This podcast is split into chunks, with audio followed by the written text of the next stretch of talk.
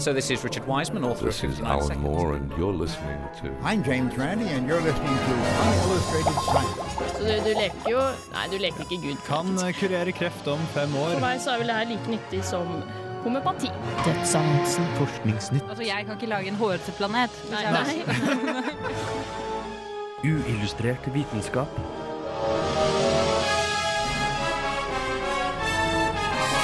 Science, it works, bitches. Det er endelig semesterets første sending av Uillustrert vitenskap, og i dagens sending er tema planter som kan drepe deg, hvorfor mennesker går fortere i storbyer enn andre steder, og hvordan algoritmer kan brukes til å finne favorittmusikken din. I tillegg får du vite hvorfor det lønner seg å være optimistisk, men ikke overoptimistisk. Ja, hei og velkommen til eh, semesterets første sending av Uillustrert vitenskap. Eh, Der fikk du to entusiastiske karer. Eh, Mitt navn er Hogne, og med meg i dag så har jeg Gaute. God dag. Og Øyvind. Hei, hei. Ja, eh, jeg tror dette kommer til å bli en knakende bra sending, så jeg tror vi bare setter i gang med musikk med en gang. Nå får du Mahogny Dread.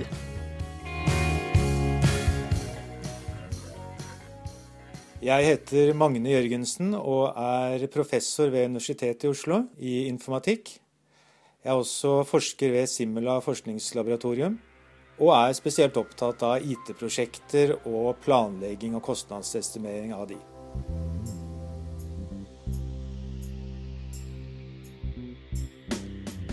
Optimisme er enkelt sagt å se lyst på fremtiden. Man har en tro på at ting vil ordne seg på best mulig måte, og at fremtiden vil være positiv for deg. Men dette kan ofte gi et urealistisk bilde av fremtiden, siden ting ikke alltid blir slik som man hadde ønsket. Så hvorfor er vi likevel så optimistiske? Det er nok eh, mange grunner til at vi er overoptimistiske, men i hvert fall så er det en stor nytteeffekt av å være overoptimistisk i en del sammenhenger. Hvis da ikke overoptimismen går over stokk og stein. Det viser seg f.eks. at mennesker som er sterkt overoptimistiske, de takler motgang bedre, og det er faktisk også en kobling mellom immunforsvar og optimisme. I hvert fall noe som tyder på det.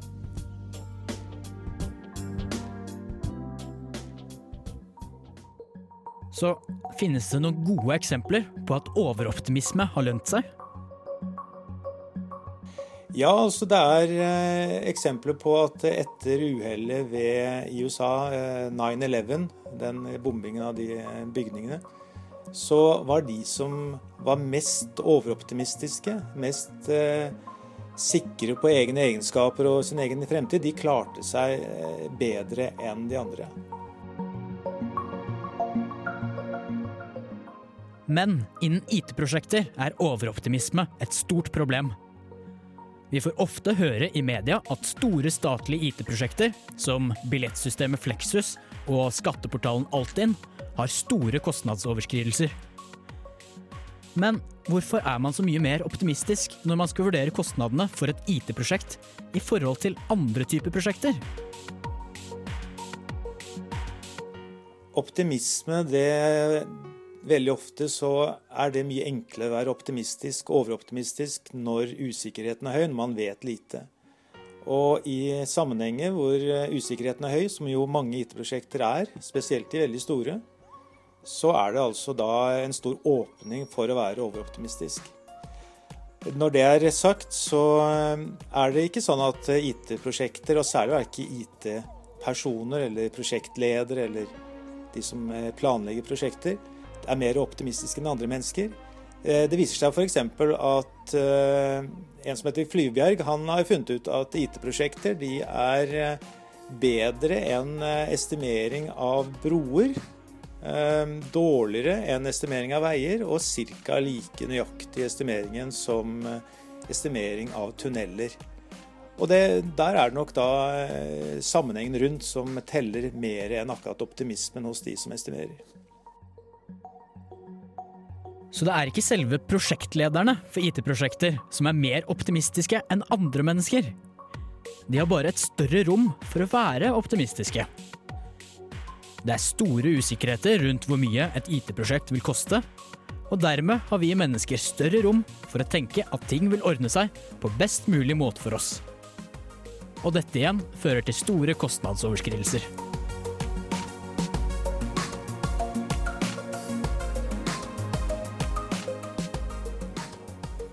Ja, der fikk du et intervju med Magne Jørgensen om eh, IT-prosjekter og hvorfor det er så store kostnadsoverskridelser der. Da. Eh, og ja, jeg kan jo si at eksempel det er 70-80% av alle IT-prosjekter går for høyere kostnad enn det man estimerer, da, eller det man vurderer det til. Eh, og det er jo litt sånn betenkelig at de ikke har klart å lære. Fordi det har alltid vært veldig store kostnadsoverskridelser med sånne IT-prosjekter. Men de har bare ikke klart å bli noe bedre med årene. Er det noen, noen god grunn til at de ikke har blitt bedre? Du, du snakka en del om dette med at de var overoptimistiske og sånn, men er det noe, noe mer? Uh, ja, det er jo på en måte mange grunner til at de er for optimistiske, men hvorfor de ikke har prøvd å tenke over at ok, vi er litt for optimistiske, vi må prøve å justere dette, for vi vet at vi alltid går over, så da burde vi heller justere det ned litt. Men uh, det er jo f.eks. én ting som er veldig viktig, da, er jo at når man har sånne store IT-prosjekter, så er det gjerne en sånn anbudsrunde hvor alle firmaer sier at ja, vi kan gjøre det for så og så mye, vi kan gjøre det for så og så mye, osv. osv. Og da er det lover i Norge som sier at ja, vi skal velge det anbudet som er lavest, det som koster minst. Men det er gjerne også de som koster minst, som har vært mest optimistiske. Ja, ikke sant. Så der er det jo et problem. Og hvis du er litt sånn moderat med de eh, vurderingen du gjør, da, og sier at ja, dette kan koste ned mot én million, men også opp til ti millioner. Ja, vi sier det koster én million. Så vil det jo si at kostnaden dere de estimerer, vil jo bli lavere. Og da er det mer sannsynlig at det vinner anbudet. Så det er egentlig kanskje noe helt feil med hele anbudsrunden i Norge generelt. I hvert fall med tanke på sånn uh, optimisme, uh, og at man da tenker at de, de, klarer jo å presse det ned dit. Når de burde jo skjønne at det, det går jo ikke. Nei. Men, men uh, han sa også litt om, om, at det å være optimistisk kan ha positive effekter sånn rent biologisk, med immunforsvar og sånn. Mm. vet du om det er noen negative konsekvenser med, ved å være veldig optimistisk? Det er jo kanskje litt hvis du For du får jo Hvis du er dette her med optimistisk og overoptimistisk. Optimistisk er bra, overoptimistisk er dårlig. Ja. Og det er egentlig veldig flytende. Hva er overoptimistisk? Det er hva du kaller det, egentlig. Men du kan jo si at hvis, noe er hvis noen er overoptimistiske, så har du et urealistisk bilde av uh, fremtiden. Og det er jo ikke alltid helt bra. At du tenker at hvis du er altfor optimistisk, så vil du tro at ja, jeg vet ikke, du får noen eh, vinger eller noe sånt, og så ja, dette her kommer til å gå skikkelig bra, og så hopper du ut fra bygning eller noe sånt og er skikkelig optimistisk på at det kommer til å gå bra. Selvfølgelig finnes det jo noe å være altfor optimistisk. Det er jo hakket over over-optimistisk, vil jeg si. ja da, det finnes jo mange grader av optimisme, men det er generelt positivt å være optimistisk, men man kan også bli for optimistisk. Og det er det man gjerne er i IT-prosjekter, da. Og han sa jo også, det er veldig tydelig hvorfor det skjer, og det er jo fordi at Um, når det er større usikkerhet rundt hva som ting koster, så pleier vi ofte å bli mer optimistiske. Så hvis eh, jeg sier et eller annet, ja du skal lage en webside om skatteetaten, så kan du på en måte bare estimere at ja, hvor lang tid tror jeg tar dette her? Kanskje 100 timer, uten å tenke så mye over det. Men hvis jeg begynner å ramse opp alle ting du må gjøre for å lage en sånn nettside, så vil du begynne å tenke at oi, ja, for å sette opp server så tar det så lang tid, for å gjøre ditt så gjør det så lang tid, og så får man gjerne et høyere estimat enn om man bare får en veldig generell oppgave. Og det er jo et problem med IT-prosjekter at kundene vet jo ikke hva de vil ha. De vil bare ja, vi trenger et system som ordner dette for oss. Og eh, det, samtidig så er det veldig vanskelig innenfor IT å se for, se for seg alt som kan gå feil. da. For Altinn har jo plutselig fått et kjempeproblem med den derre at når 100, sånn 100 000 melder, melder, logger seg på samtidig, så møtte de på et problem som var litt overraskende. For det var veldig vanskelig å teste og sjekke om hva som skjedde hvis det var plutselig veldig mange som, meldte, eh, som logget seg på samtidig. Nei, det er vel ikke så lett å bare Hei, du, vi skal teste noe. Vi trenger bare 100 000, 200 000 til å logge seg på samtidig akkurat ja, nå. Neida. Vel, jeg har, jeg har én mobil og én PC. Ja. det er to. Stort prosjekt med hele Norge for å teste. Ja. Nei, men det finnes faktisk måter å teste dette her på. Men jeg tror vi får komme oss videre i sendinga. Nå får du 'Streets' av Torgeir Valdemar.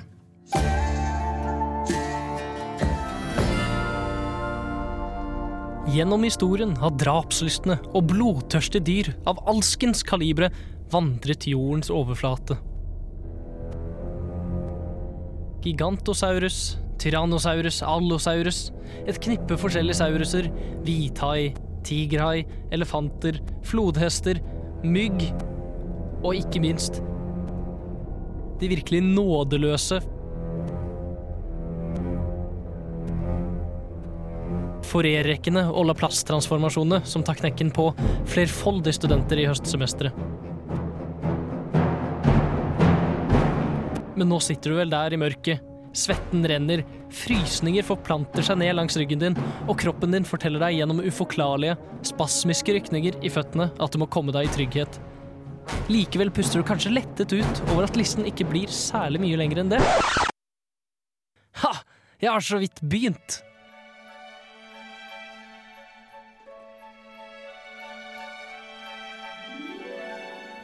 Det er jo tross alt ikke bare dyr som er farlige for mennesker, men også et utall forskjellige planter. Deriblant kjempebjørnekjeks, som kan finnes de fleste steder i Norge. Kontakt med planten kan føre til tredjegradsforbrenning i form av kraftig utslett, og danne arr og blemmer som er synlige flere år etter at de ble dannet. Dette kommer av at planten skiller ut en sevje som blir ekstremt giftig i kontakt med UV-stråler ved å binde seg til DNA og forårsake celledød. I Australia finnes det derimot en langt giftigere og farligere plante, nemlig den såkalte gimpibusken, for så vidt også kjent som verdens dødeligste busk. Brenneskjellplanten inneholder en gift som fører til ekstreme smerter i opptil to år etter kontakt. På toppen av det hele fører giften ofte til allergiske reaksjoner, og flere dyr og mennesker skal visstnok ha begått selvmord etter å ha blitt utsatt.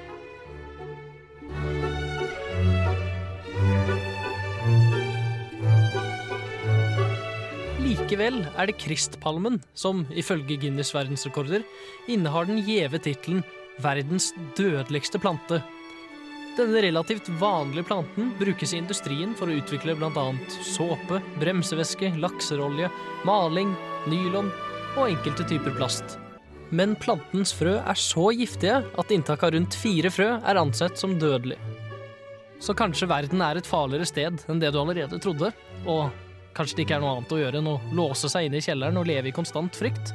Men om man derimot skulle være så heldig å være en gris, slipper man billig unna, for de er nemlig immune mot giftene uten at noen egentlig helt forstår hvorfor.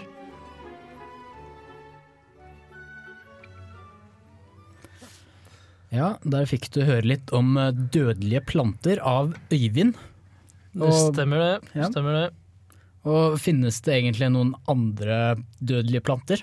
Jeg ser for meg at uh, det finnes en stor versjon av kjøttetende plante som også spiser mennesker. Altså, Listen over uh, farlige, dødelige, giftige planter er jo veldig lang. Jeg skal ikke ta hele nå, for det tar opp til flere sendinger. Men uh, kjempestore kjøttetende planter har jeg dessverre ikke hørt noe om. Uh, for all del, kanskje et eller annet sted høyt oppe i et eller annet fjell langt borte på andre siden av jorda. Kanskje en ingen har sett, men jeg har ikke hørt om noen andre. Men det er jo mange andre som ikke er fullt så det det finnes på Sims, faktisk. Oi, ja, der, der fant du en, altså. Ok, så på The Sims, men i denne verdenen så er det dessverre ikke så mange av dem. Men uh, det er noen som er litt sånn mindre dramatiske i hvor farlige de er. Det er ikke sånn at de kommer og spiser deg, men de er veldig giftige som regel. For eksempel, eh, har dere hørt om den her hemlock-planten? Heter Mm. hemlock på, både på norsk og engelsk, faktisk. Nei. Eh, det er jo en veldig giftig plante. Den eh, har vel blitt litt grann berømt gjennom at det var den som drepte Sokrates. Oh. Og den har en Mm. såkalt stigende paralyse. Eh, paralysering, mener jeg. Uh, så det vil altså si at det, som regel så begynner den nede i beina, eh, og ganske langt nede, og så bare går den høyere og høyere opp, og til slutt så mister du kontroll over beina, og så går det høyere opp, mister du kontroll over hva skal jeg si, andre ting. Og så helt til den kommer opp til lungene, og så slutter du å puste, og så dør du. Mm. Det høres skikkelig ille ut. Ja, så, jeg tror ikke det er veldig morsomt, altså. Det er ikke lørdagsmoro, for å si det sånn. Men eh, en annen plante som jeg leste litt grann om. Som eh, Dere har kanskje hørt om det stoffet som er i den. Fordi det er eh, kanskje for en sånn engletrompet. Eh, det har tre forskjellige giftstoffer i seg. Jeg husker ikke navnet på dem akkurat nå. Eh, men det ene er også kjent som eh, Devil's Breath. Colombian Devil's Breath. Det høres jo passe dramatisk ut. Eh, Ja, det er litt grann dramatisk, for det er det stoffet som kan gjøre deg til en fullstendig zombie. Altså, du mister helt kontroll Mm. over deg selv. Du bare blacker ut, og så gjør du det folk ber deg om å gjøre, egentlig. Som brukes av mange gjenger og sånt i eh, Sør-Amerika for å rane deg, fordi de sier eh, hei sann, kan vi være så snill å få alle pengene dine? Og så sier han ja, jeg må bare en tur i banken først, og så tar han ut penger, og så får du. Og så våkner de sånn et sted ute på veien uten å huske noe som helst. Ja, jeg håper aldri den der planten kommer til Norge, for det er sikkert det verste du kan oppleve. Å ikke ha kontroll over kroppen din og bare gjøre ting. Ja, det, det, jeg tror det er veldig rart. Eh, Heldigvis så husker du ingenting av det. Ja, det er kanskje enda verre, da. Hva gjorde jeg nå? Shit! Verre enn en blackout på kvelden eller på natta. Men eh, jeg tenkte også at jeg kan jo utdype litt grann eh, den her siste planten jeg snakket om, en sånn der kristpalme, som eh, kan brukes Altså det heter vel castor på engelsk. Det er en sånn veldig, veldig vanlig plante. Kan få det overalt. Vokser mer eller mindre overalt. Og eh, den har en eh, type gift som hemmer proteinproduksjonen, proteinsyntesen. Som går rett på Gaute, du er biolog, hva er det heter? Noe på R. Noe på R. Det er jo veldig spesifikt, da. Det er Den derre organellen. eh, Ribo... Ribosomene, kanskje? Ja, mulig det var ribosomene. Ja, i hvert fall. eh, Proteinsyntesen. Mm. Så det som skjer, er jo det at La oss si at du har funnet noen utrolig kule frø som du bestemmer deg for å spise. Og så går alt helt fint, helt til noen timer etterpå, hvor du virkelig merker at du begynner å trenge litt ekstra av de der proteinene du mangler. Mm. Uh, hvor du så begynner å Vel, du dør ganske fort, rett og slett. Men det er, som er litt skummelt med den, er det at det kommer først mange timer etterpå. Etter du har spist dem. Mm. Fordi det er først da du liksom går tom for disse proteinene. Da. Ja. Så det er altså veldig mye her i verden som kan eh, drepe deg. Oi, oi, oi, oi. Ja, jeg tror vi skal komme oss videre. Nå får du Dogboy av Project Pat.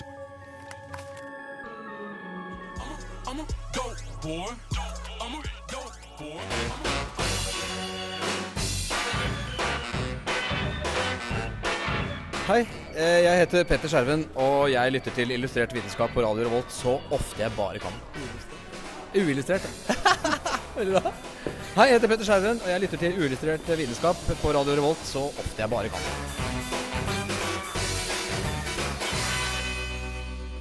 Ja, da har vi kommet til spalten Forskningsnytt. Og i dag så burde det egentlig vært veldig mye forskningsnyheter, for at nå er det veldig lenge siden vi har hatt det. Men vi har i hvert fall én forskningsnyhet. Ja, Øh, den er jo ikke sånn kjempenyhet-nyhet heller, Mm. men det er noe veldig kult nå som jeg har lyst til å snakke litt om. Øh, fordi det er veldig kult. Enkelt og greit. Um, nemlig um, noe som heter Birdly, som er en fuglesimulator. Eh, og det, tenker jeg, det, er- det er kanskje litt kult, men kanskje ikke så kult allikevel. Helt til jeg forteller deg at jo da, fordi at den er nemlig både denne Birdly fly-fuglesimulatoren, uh, som er kombinert med uh, de virtuelle virkelighetsbrillene Oculus Rift, som du Mm. sikkert eh, har hørt noe om, og hvis ikke så burde du søke det opp, for det er kult. Um, og, og det den gjør da, er at du setter deg på denne, denne fuglesimulatoren. eh, Så du setter deg på knærne, og så bøyer du deg i hofta og legger deg liksom ned på magen oppå et sånt brett og strekker armene rett ut og får de spent fast på sånne vinger. Og så får du på deg disse eh, virk virtuelle virkelighetsbrillene. Eh, og så ser du rundt deg som en fugl, og så kan du flakke med armene som, som om du flyr. Eh, og jo eh, raskere du flakser, jo mer vind får du i ansiktet, for de har plassert en sånn vifte foran.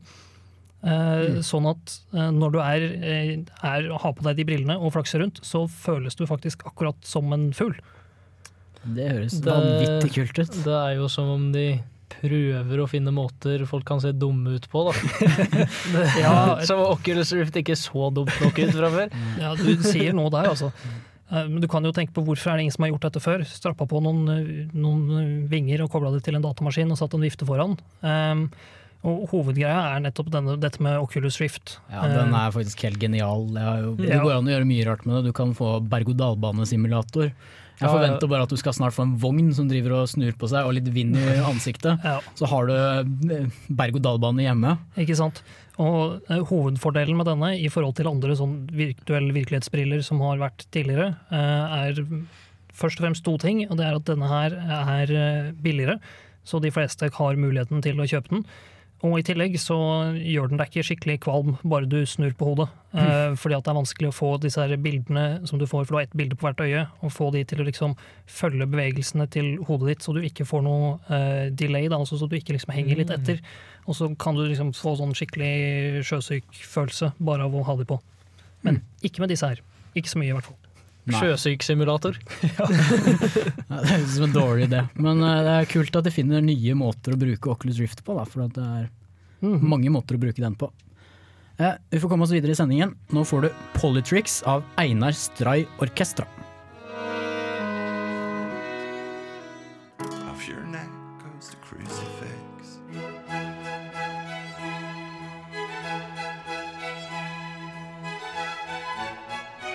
Å analysere musikk kan være vanskelig selv for et trent øre, og heller ikke for datamaskiner er det en dans på roser. En algoritme beskrevet i en artikkel publisert i Pattern Recognition Letters i starten av august, er et klart tegn på at datamaskiner er i ferd med å bli bedre lyttere. Med denne algoritmen har man klart å få datamaskiner til å sortere alle albumene til Beatles i kronologisk rekkefølge ut ifra hvilke album som høres likest ut. Resultatet ble satt opp i et fylogenetisk tre som viser hvor like albumene er i forhold til hverandre. I tillegg til å sortere Beatles har algoritmen også prøvd seg på bl.a. ABBA og Queen, med svært gode resultater. Dette er hvordan den fungerer. Algoritmen konverterer hver enkelt sang som skal analyseres, til et spektrogram, et slags diagram som fremstiller bl.a. lydbølgenes frekvens og form. Deretter sorterer og sammenligner algoritmen hvor like spektrogrammene til de ulike sangene er, for så å gjennomføre en statistisk analyse av resultatene for å finne ut hvilke sanger som er likest. Og hvis du nå lurer på hva i all verden dette har å si for akkurat deg og dine musikkvaner, bør du følge ekstra nøye med akkurat nå. Hvis algoritmen blir implementert i f.eks. strømmetjenesten Spotify, vil den automatisk kunne analysere lydbildet til sangen du hører på, for deretter å gi deg en liste med sanger som ligner mest på den du akkurat hørte på. Med andre ord så kan du i nærmeste fremtid kanskje ha en mulighet til å oppdage helt ny musikk som høres ut som akkurat den musikken du liker å høre på den dag i dag. Ja, der fikk du Gaute sin sak om noen algoritmer og Beatles og litt diverse. Ja, og kall meg gjerne dum, men eh, hva er et sånt der fylogenetisk tre? Ja, det er eh, det, er, det er, høres mye verre ut enn det er. Eh, For å si det på en annen måte, så er det et slektstre. Det er Hvis du noen gang har sett et sånt tre med navn på hvem du stammer fra, og hvordan, hvor du setter eh, søsken og barn og foreldre og sånn, så er det et fylogenetisk tre, som da baserer seg på den eh, vitenskapsgrenen eh, filogeni, eh, som da er hvordan du setter det opp eh, på en måte som viser slektskap. Og det, Jeg stussa litt, for det var jo en litt merkelig kontekst å bruke det. Eh, men så så jeg et skikkelig kult bilde de hadde på, på den artikkelen som de hadde publisert.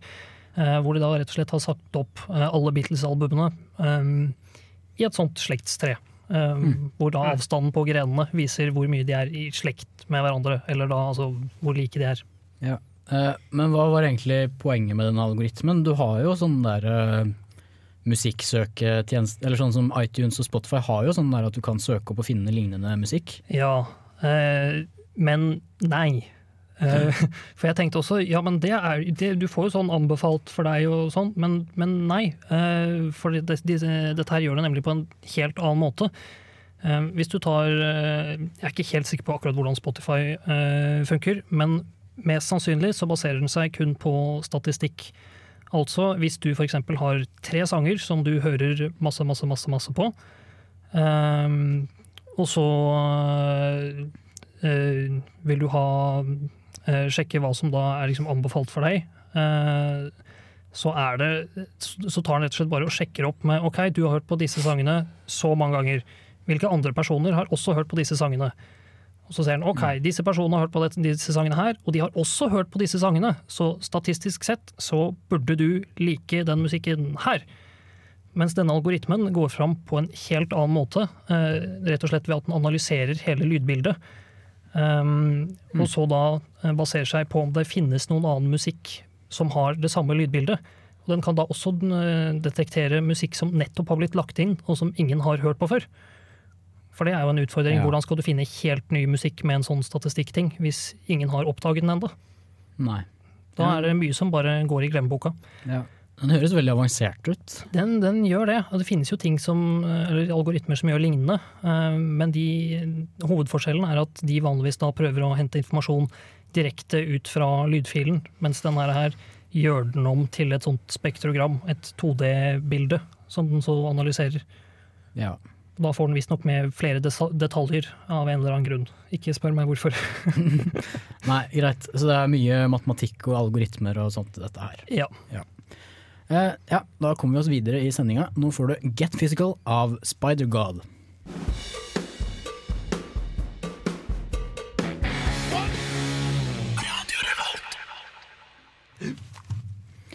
Ja, nå har vi kommet til uh, et spørsmål som jeg har tenkt til å stille Øyvind og Gaute. Eh, fordi det var et forsknings... Ja, et eksperiment som ble gjort på 70-tallet, tror jeg, som fant ut at folk går raskere i storbyer enn i mindre steder. Og de fant ut at det var ja, veldig lineært i forhold til hvor mange mennesker det var der. Da. Så i storbyer med mange mennesker så gikk folk fort. Byer med mindre mennesker gikk de saktere, og osv. osv. Men det de, de sa bare at sånn er det. Hvorfor? Det er jo enkelt. Det må jo være fordi at folk ikke liker hverandre, så jo flere folk det er, jo fortere går de for å komme unna hverandre. Ja, det var ikke helt det de kom Eller de fant, det, løsningen kom mye, mye senere. Så, Hmm. Men eh, det er nok ikke det. Har du noen andre gode ideer? Nei, jeg vet ikke helt, jeg. Altså, jeg, men jeg vet at eh, etter jeg har vært og kjørt bil på motorveien, så pleier jeg å gå mye raskere enn om jeg ikke har gjort det. Når jeg er fartsblind, altså. Så, hvis, hvis du, så du mener folk ved motorveier går fortest? Det gikk så mye med mennesker å gjøre. Ja, det, det stemmer jo kanskje det, da. Hvis du går ved en motorvei, så Men, tror jeg eh, du kommer men jeg tror kanskje du har flest sånne der eh, høy, eh, veier med høy fartsgrense på landet enn du har i byen. Ja, så, så- det kan jo ikke være det. Nei.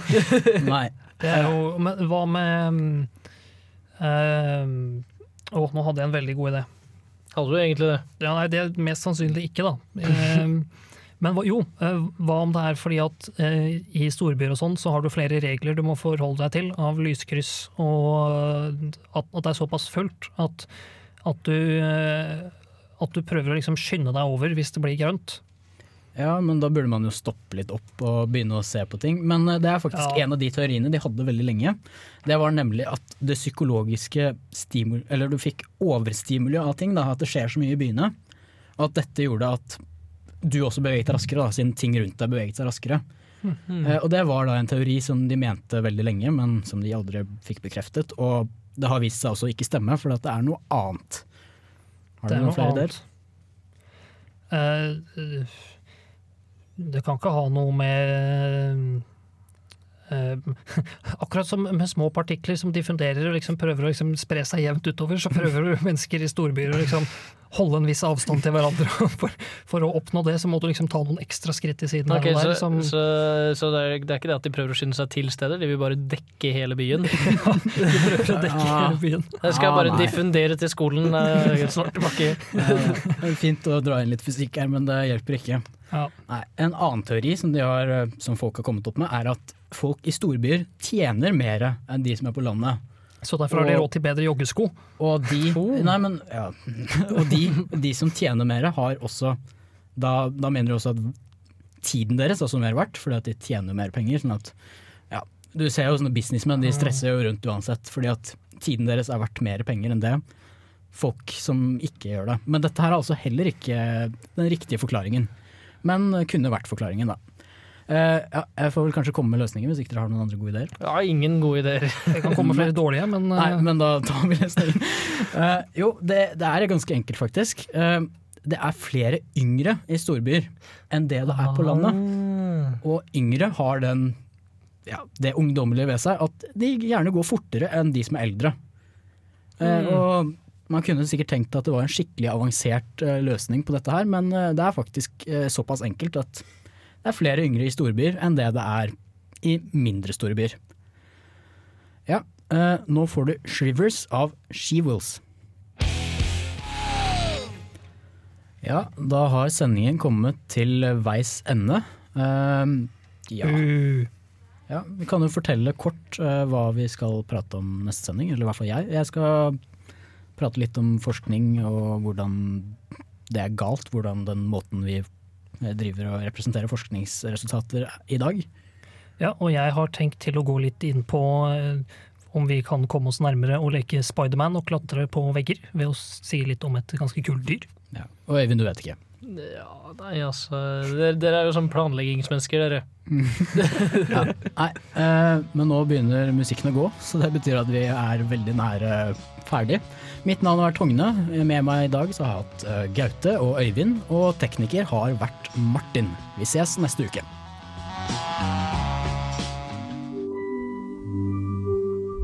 Uillustrert vitenskap er Midt-Norges eneste teknologimagasin på lokalradio. Og vi snakker om alt fra populærvitenskap til sære forskningsprosjekt ved NTNU.